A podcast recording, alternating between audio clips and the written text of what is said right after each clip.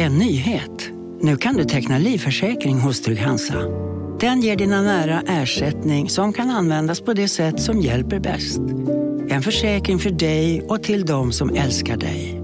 Läs mer och teckna på trygghansa.se. Trygg Hansa. Trygghet för livet.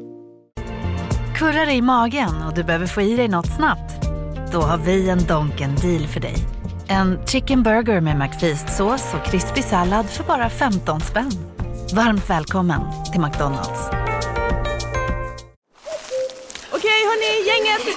Vad är vårt motto? Allt är inte som du tror. Nej, allt är inte alltid som du tror. Nu täcker vårt nät 99,3 procent av Sveriges befolkning baserat på röstteckning och folkbokföringsadress. Ta reda på mer på 3.se eller i din 3-butik. Då gör vi så att vi börjar del två här Johan och det här är ju spännande för jag bad ju alla fans att skriva in frågor till dig och jag sitter här med fem A4-sidor och det är högt och lågt, det är snabbt och det är långsamt och det är hela paketet. Så är du med på lite snabbkörning här med, så, vi, så alla får sina svar? Absolut. Härliga tider och då börjar vi med Daniel här som i sin första fråga undrar då. Eh, det här med uppdrag i Genève, kände ni att ni var en del av New Romantics-rörelsen? Och i sådana fall, fanns det ett sug att vara en del av det som hände i London? Uh, på den andra frågan, definitivt ja. Att vi kände en sug att vara en del av det som hände i London eller liksom utomlands. Så London var väl kanske det självklara valet då om vi var en del av New Romantic, New Romantic-rörelsen, jag vet inte riktigt. Riktiga New Romantics kallar sig inte New Romantics på något sätt faktiskt. Det var därför Duran Duran aldrig riktigt ansågs... De fick aldrig...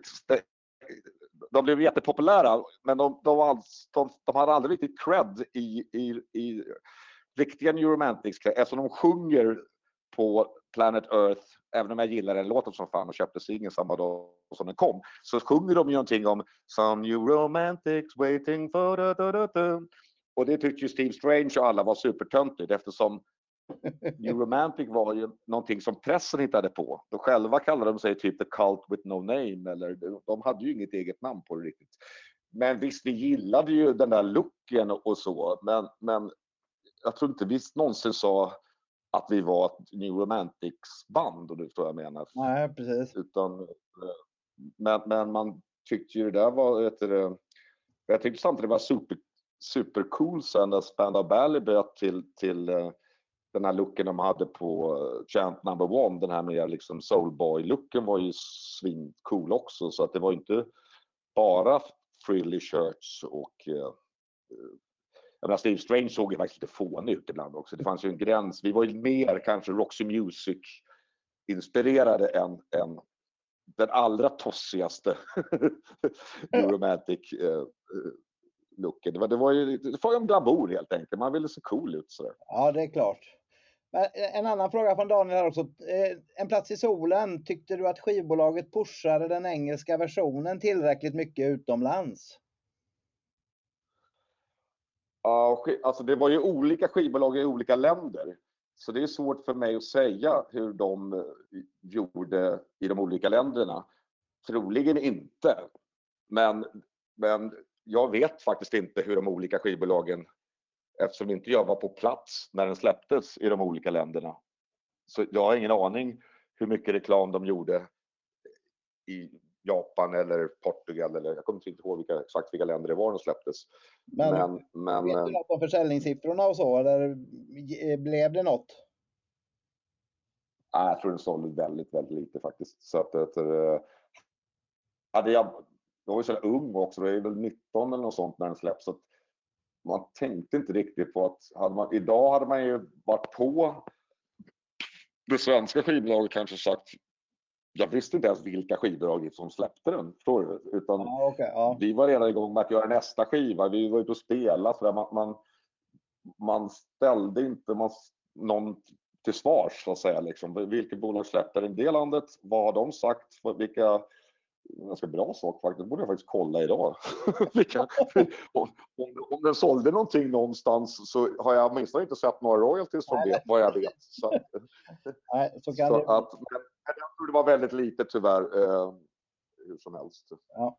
Vi byter ämne här. Gunnar har en fråga. Det skrevs ju, har jag för mig, att det var i slager att Lustan skulle spela in Flickan och Kråkan av Mikael Wiehe. Gjorde ni det någon gång? Jag tror faktiskt vi gjorde det, men vi gjorde aldrig klart den. Det var väl i samband med jag tror det var i samband med att vi gjorde Tusen och en nattsingen och eh, som ett rykte B-sidan som ju båda blev väldigt bra tycker jag.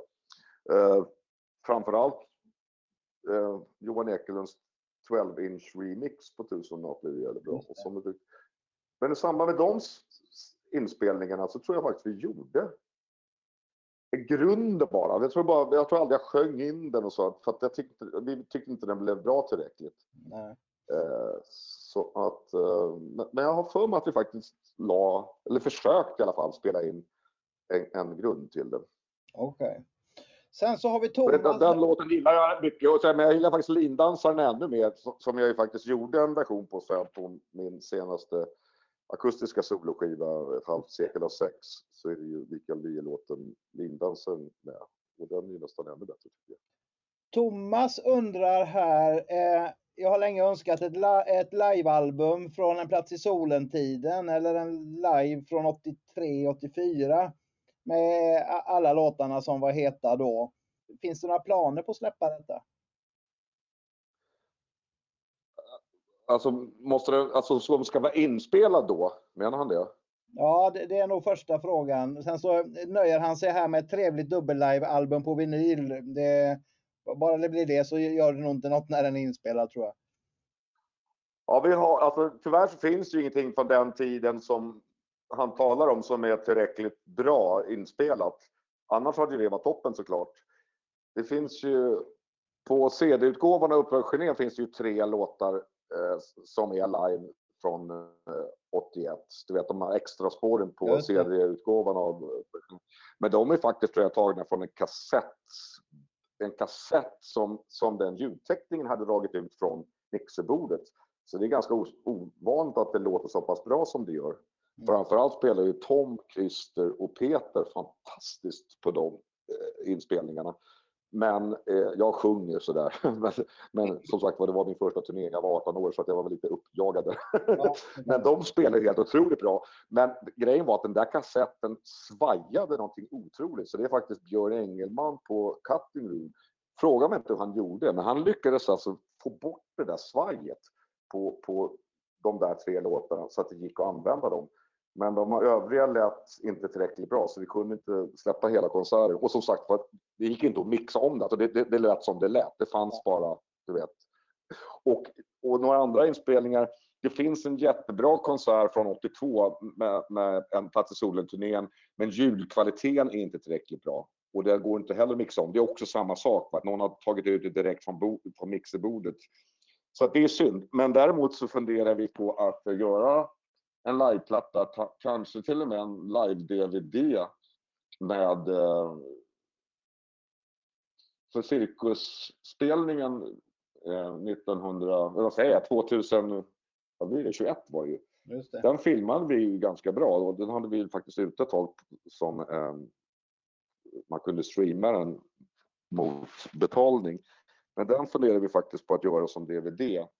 Och då kanske vi dessutom kan addera lite annat också. Vi har ju, det är lite frustrerande, vi har ju faktiskt eh, turnén med Richard Barbieri, Plats i solen-turnén, inspelad ljudet väldigt bra eftersom den sändes i P3, eller P4 bara, P4 live. Just det. Och den skulle vi kanske kunna mixa om ännu bättre. Men vi har tyvärr inte filmat så mycket. Så vi måste titta lite grann på det där. Men, ja, men en liveplatta är inte omöjligt.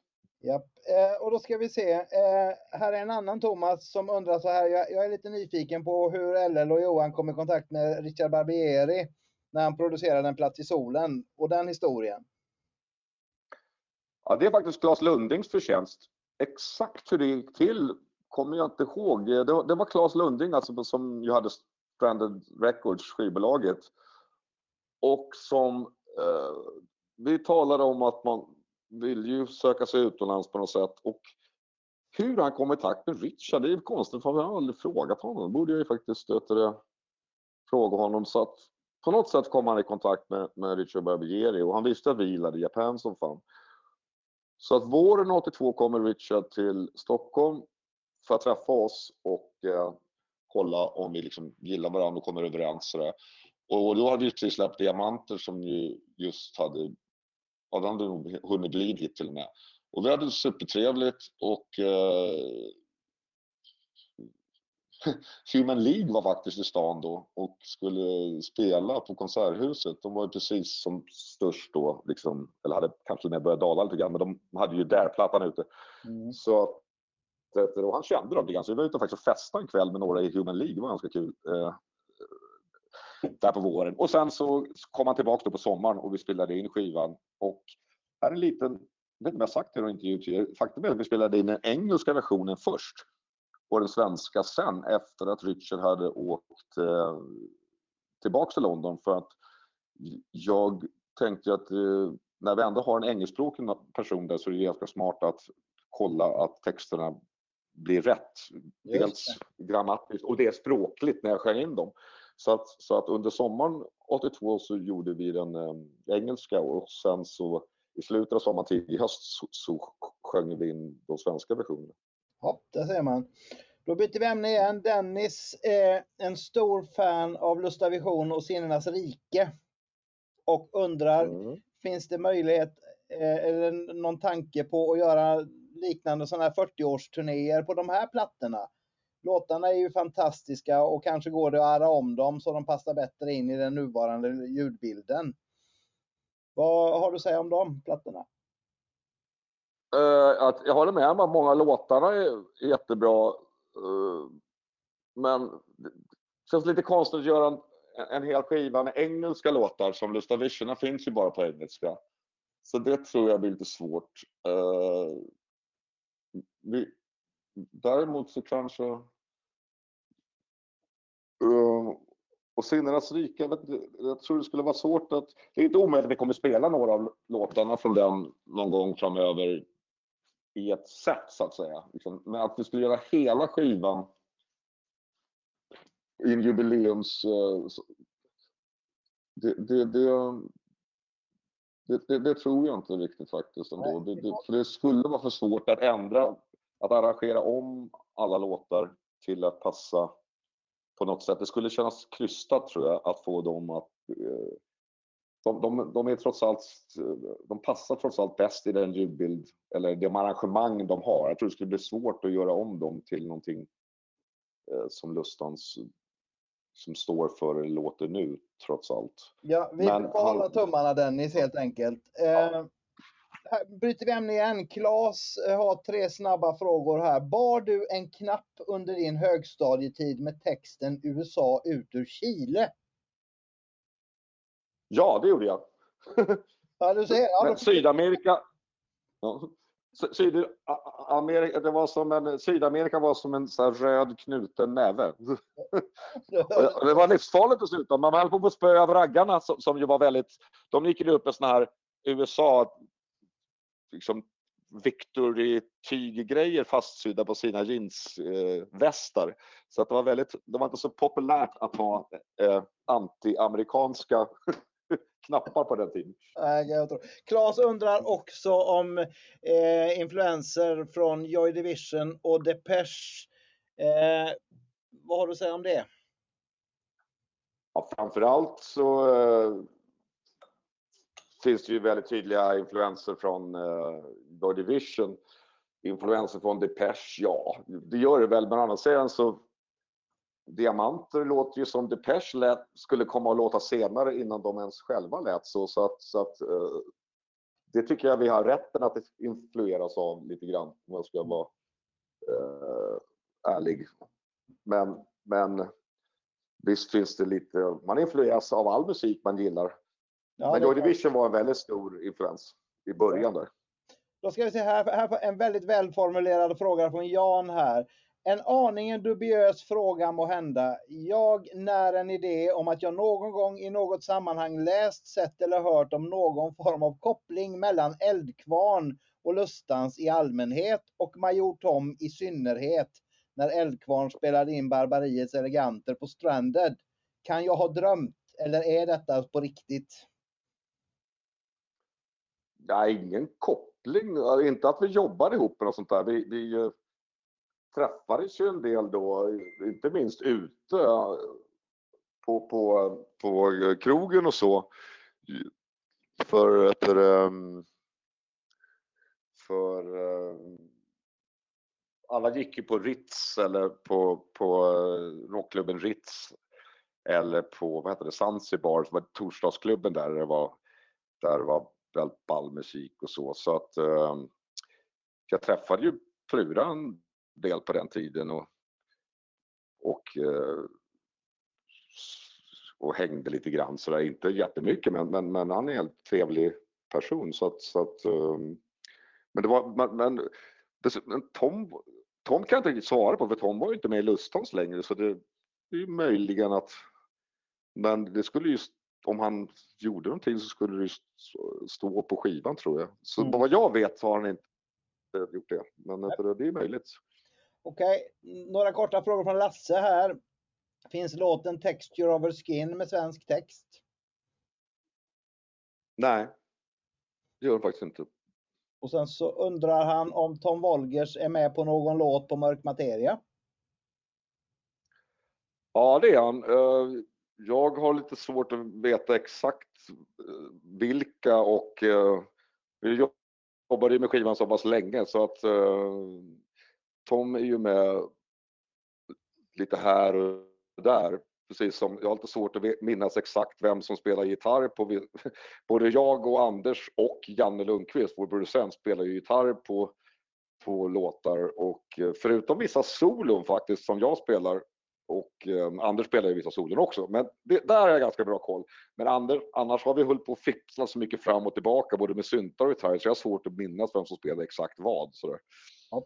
Uh, det finns däremot en otroligt snygg grej på, om man har hört Trubbel i Teheran så kommer det in en syntslinga en bit in i låten som låter nästan lite så här ostämd eller som en dopplereffekt.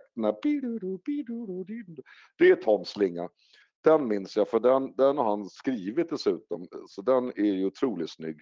Den här liksom lite kraftverkartade ljusa slingan som kommer in så, eh, efter halva låten typ eller en tredjedel låten. Ja.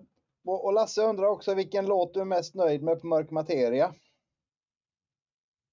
Mm.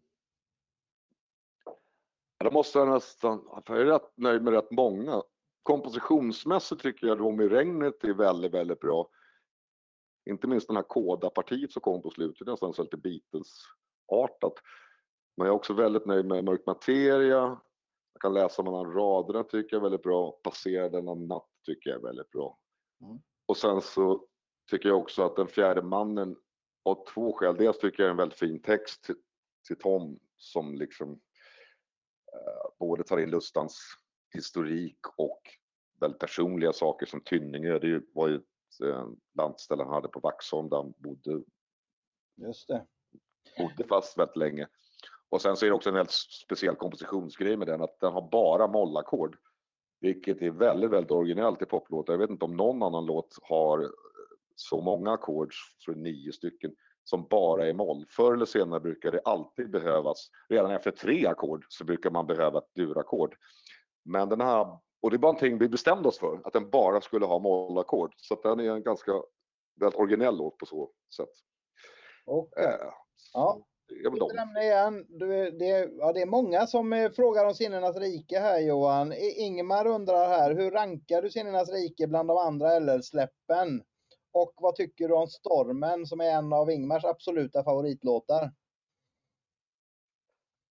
Stormen tycker jag Eh, framförallt är en väldigt, väldigt bra text. Den är jag väldigt stolt över.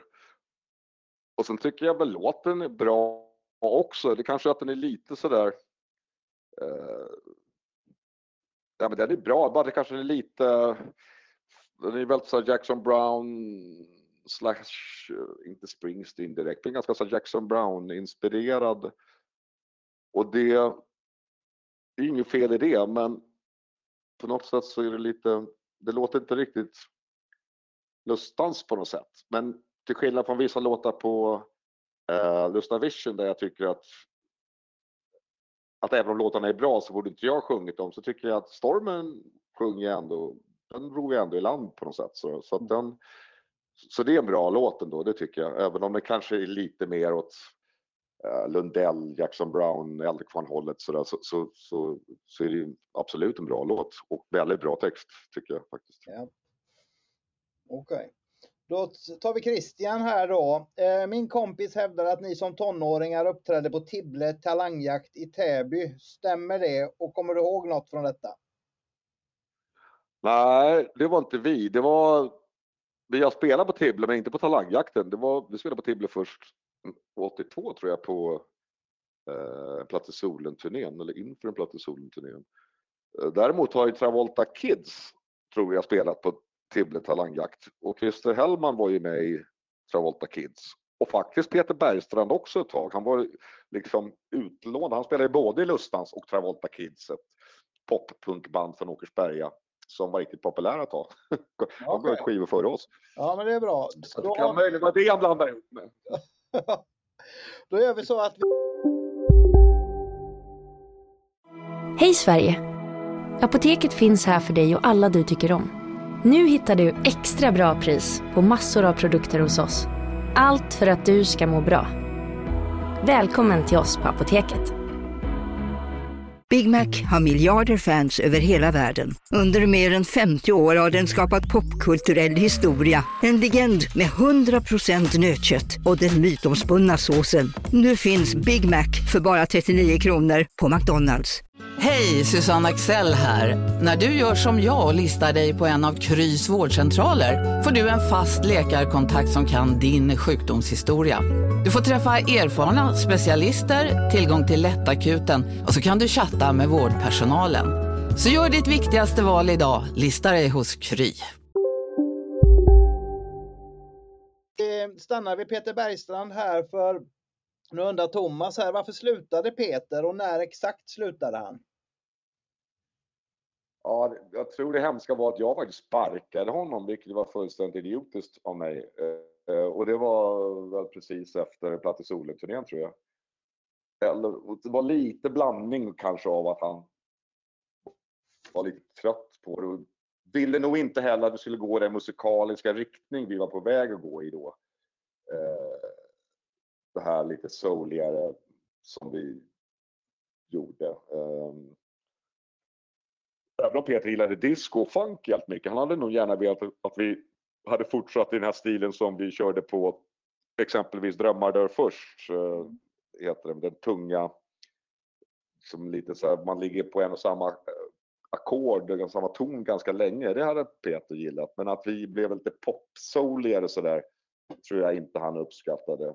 Och eh, så att det var väl på sätt och vis kanske lite eh, men det var ju också ett, det var ju också ett misstag av mig tycker jag. Så att, så att jag borde varken ha sparkat honom eller bytt stil. Så att det var ju ett av de dummaste beslut jag gjorde. Men det var, det var, det var januari, februari 1983 något sånt. Har ni någon kontakt idag? Ja, det har vi. Mm, Inte ofta, men vi är båda, båda är djurgårdare och så och jag eh, eh jag pratar med honom ibland.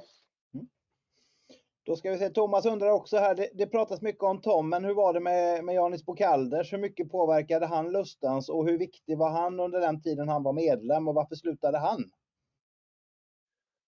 Han slutade lite grann av samma skäl. Han slutade faktiskt frivilligt för han gillade inte den här nya riktningen väl på ett tag. Han gillade ju mer Japan och liksom hela Magic Orchestra och med udda musik. Så han slutade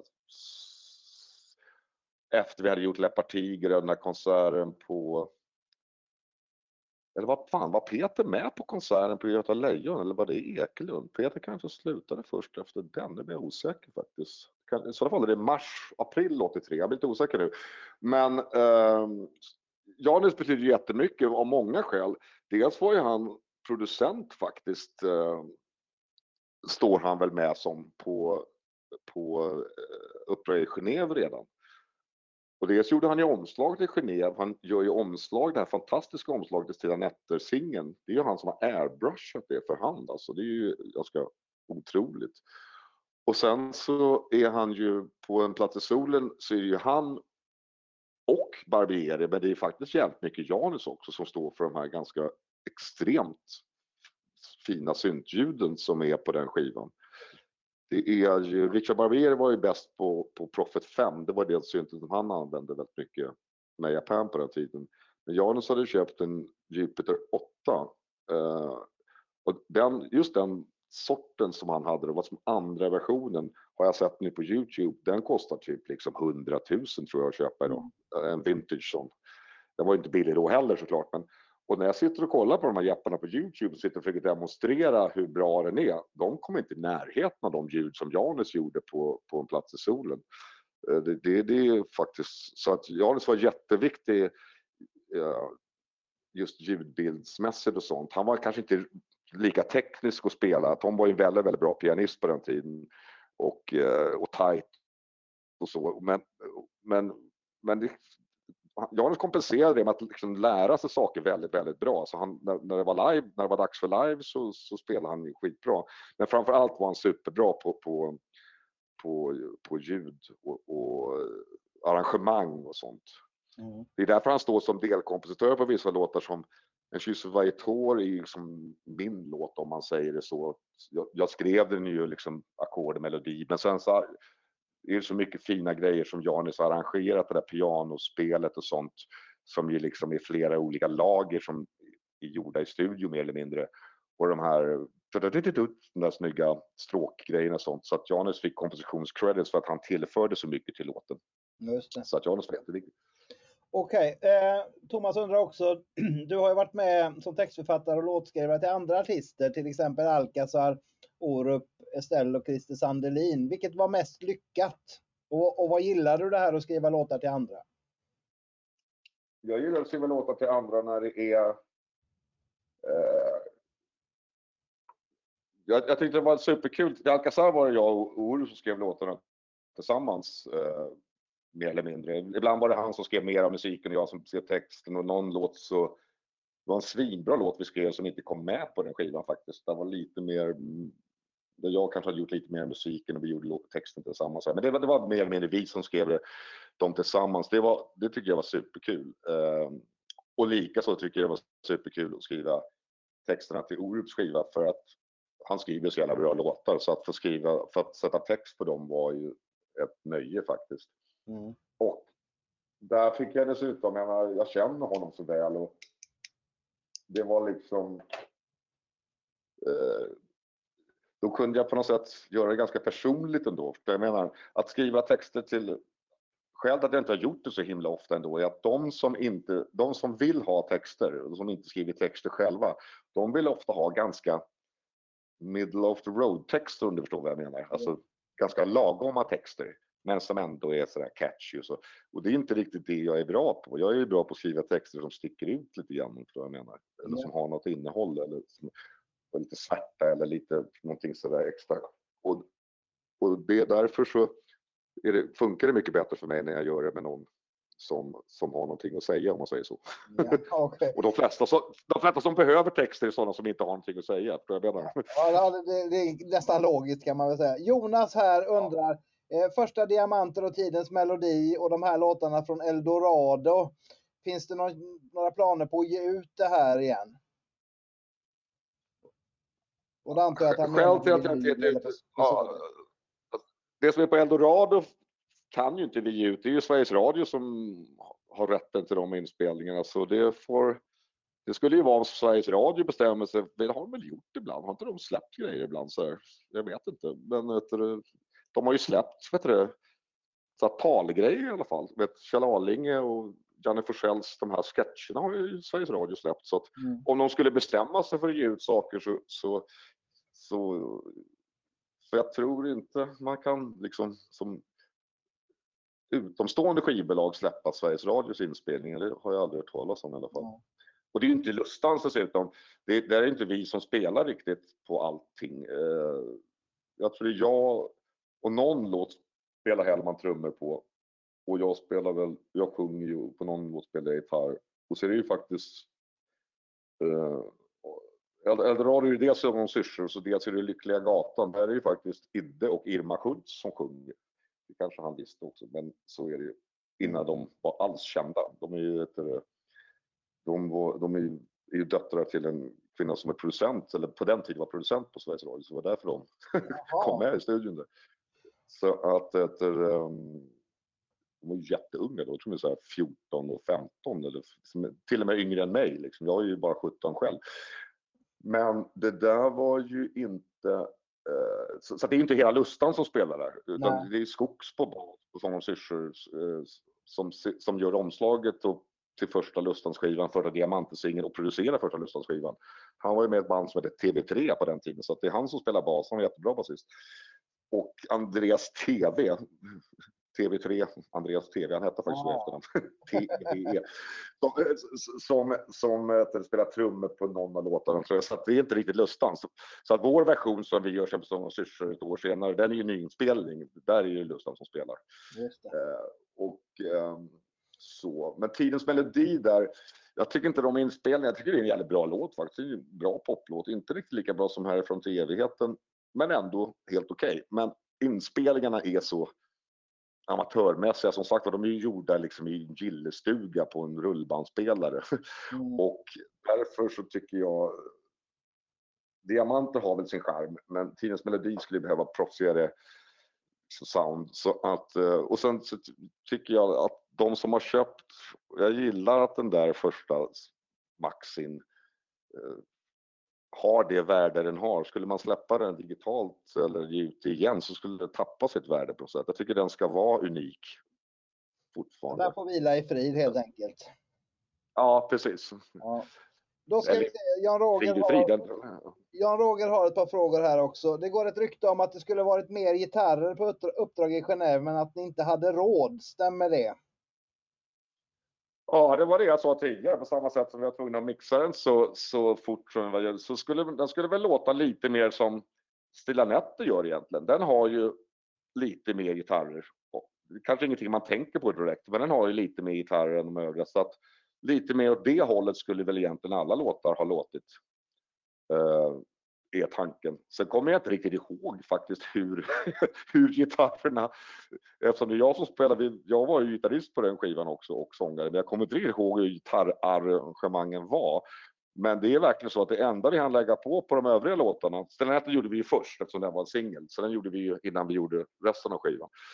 Eh, men det är verkligen precis det, de gitarrer som liksom måste vara där som är nu. Det är liksom den här gitarren på Unga Moderna, vet, och sen gitarrsolon på Man lever bara två gånger och eh, Paradisets portar. Sen är det väl knappt några mer gitarrer. Typ. Och det är, det är för att vi inte hade mer studiotid. Liksom. Ja, det ser man. Eh, då ska vi se, Siad här, han undrar vad du och ni får inspiration för när ni skriver texter och sen så hur ni delar upp den här arbetsmetoden när ni skapar musik och i studion och gör album. Och sen så undrar han också om Uppdrag i Genève kan komma ut på CD igen.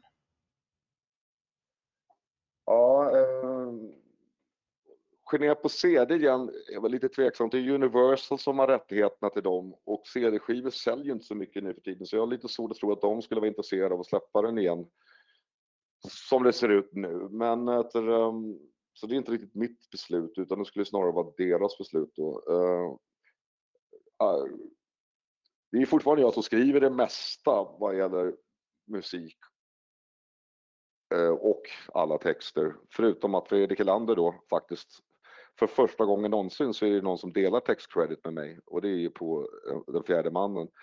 För att han kom på titeln mer eller mindre i, i en, i en Nej, han kom inte på titeln, han kom på en fras där i, i, som är helt viktig för låten. Mm. Så därför gav jag honom textcredit. Den gav mig idén till att skriva resten av texten och, och, eh, och uh, mannen som kunde haft allt, det var så det var han kom på en, i, i, en, i ett litet textförslag han hade och det ledde mig till att skriva resten av texten. Mm. Och det var så viktigt så då fick han textcredit. Men annars är det ju så att jag, inspirationen brukar vara så här att jag på något sätt så det kan vara bara en replik i en film eller någonting, så, så är det någonting där som ger mig en, en titel oftast. Och eh, det var faktiskt ett vetenskapsprogram jag såg när ordet mörk materia kom upp. Och så förde jag över det till att det skulle handla om relationer istället. Och då så gjorde jag, så, så kom musiken därifrån sen. Eh, och så är det nästan alltid, att jag börjar med en titel och i bästa fall så får jag en melodi när jag sitter och leker med den titeln och sen så och ett tema, vad ska låten handla om? Beroende på titeln då. Ibland kommer det ganska lätt, ibland så får man tänka till lite grann och sen så skriver jag resten av låten utifrån det. Det, det är så det går till. Och mm. sen så, och sen så ibland så eh, hjälper de andra, ganska sällan, jag tror inte någon låt på den här skivan var att någon annan kom med en låtidé, men på Mörk Materia så var det så här låttekniska saker som jag inte ska tråka ut er med, men som, som Anders löste på ett väldigt smart sätt som gör att uh, den blev så bra som den blev. Uh, och därför har Anders låtcredits. Det är också Anders som har gjort den här skitsnygga syntsolot stråkmaskinsolot i mitten och, och sådana där saker som, som gör att han har fått låtcredits. Däremot är det faktiskt jag som har skrivit det här och spelar det här assnygga lite lite, nästan lite Led Zeppelin-artade gitarrsolot där i mitten, det är faktiskt jag. ja, du ser. det är det tvärtom egentligen. Anders har gjort synsolot, han som gitarrist och jag som, som har gjort gitarrsolot. Det är lite konstigt. Ja, så kan det gå. Eh, då ska vi se. Här är en fråga från Jan Roger igen här och den undrar jag faktiskt också över. Det är ju det här med Lena Antem. Eh, det är tydligen så att du har stått som upphovsman till den låten när den har gått på tv vid något tillfälle. Eh, och sen så mm. vill jag tillägga, solot i den låter ju väldigt mycket diamanter. Eh, eh, har du varit med och gjort något i den låten? Nej, det, det är bara Orup som är schysst och har gett mig credits för att han tycker den är lik diamanter. Så att uh, jag, jag, har inte varit med i studion eller jag var inte med när den skrevs sånt där. Utan det var bara, och jag bad inte om det heller, utan det var bara Orup som var jävligt schysst och, eh, och eh, gav mig credits på grund av det. Ja, där ser man. Eh, då ska vi se, några avslutande frågor här eh, från Gunnar innan vi stänger. Vem spelar den här keyboarden en ton på första diamanter?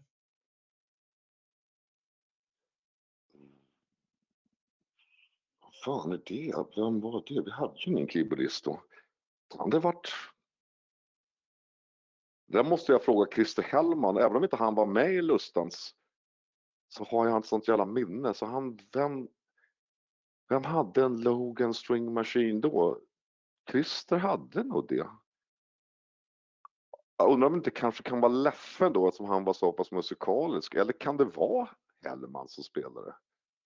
Vi gör så att Antingen är det vi tar med oss den och så gör vi så att eh, ja. vi skriver i fanklubben, skriver vi ut det eh, när vi har tagit reda Absolut. på det helt enkelt.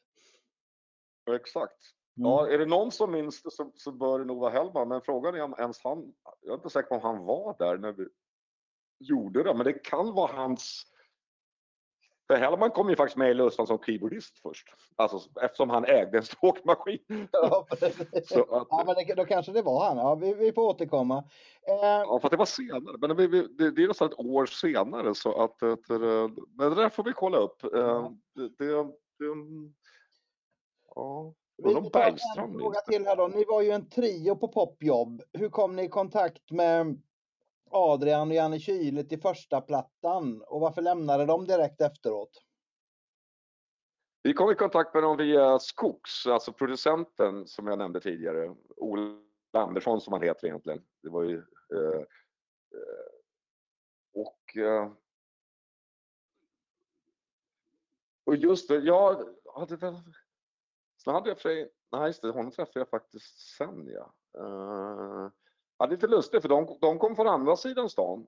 Liksom, Som, nästan alla andra var ju, eller alla andra, inklusive Skogs, bodde ju liksom på norra sidan stan, Åkersberga eller Djursholms Ösby, längs Roslagsbanan. Janne kom ju faktiskt från Huddinge till och med, insåg jag nu när han var, han gästade ju oss på den här sändningen från Nalen under pandemin när vi körde hela första skivan. Och eh, det, det, det vill säga alltså samma del av stan som Orup kommer från ursprungligen. Det här är långt innan jag känner Orup. Men, men efter, hur Janne egentligen kom i kontakt med honom, det, eller vad säger jag, hur, hur Skogs, hur Ola kom i kontakt med dem, det vet jag, men det passade så jävla bra. De såg så coola ut och det gulliga är att Janne efteråt säger så här, varför tog ni med mig? För jag kunde ju inte spela piano. men, men det trodde ju vi. ja. och ändå så spelade han ju rätt bra, liksom, så här, men han var ju inte riktig pianist på något sätt. Så, så att han, han höll ju färgen ganska bra där på något sätt. Och, eh, så. Men eh, sen tyckte de väl att jag var lite för diktatorisk tror jag. Och och sen sa de ju att de inte gillade liksom riktigt den här stilen, att det var för, liksom för liksom, pretentiöst. Men sen bildade de ju ett band direkt efteråt som hette Döende Dandys eller vad fan de hette, så de hade precis samma stil och gjorde någon singel och sånt där. Så det var ju lite konstigt kan man tycka. Ja, men de men allt, det där, allt det där är förlåtet nu. De, de, de finns inte kvar så här 40 år senare, det finns ju ni. Ja, precis. Janne gick ju för med Reeperbahn sen så att, så att han hittade ju sin grej där. Även om det var lite samma sak då har han berättat nu efteråt att hans första eh, eh, dag i studion med repen var lite jobbig också när han inser att jävlar vad svåra de här pianogrejerna var. så det fick han spela trumpet istället. Ja, Johan, eh, vi har tagit oss igenom hela fråge, eh, ja, alla frågorna som har kommit in och det har varit jättetrevligt och jag hoppas att du som har lyssnat verkligen känner att du har fått valuta för det här. Att du var med oss och lyssnade. Så att eh, Johan, jag vill bara tacka så fantastiskt mycket för att du har delat med dig av det här. Det här var jättekul. Absolut, ingen orsak. Det var lite kul. Jag måste kolla upp det där med, med, med stråkmaskiner. Det, det, det, är intressant att jag inte vet det faktiskt. Eh, men det, det var ju också 43 år sedan. Så att och det, det har druckits en del vin sedan dess. Så att... Ja, precis. Ja, nej, men det är jättebra.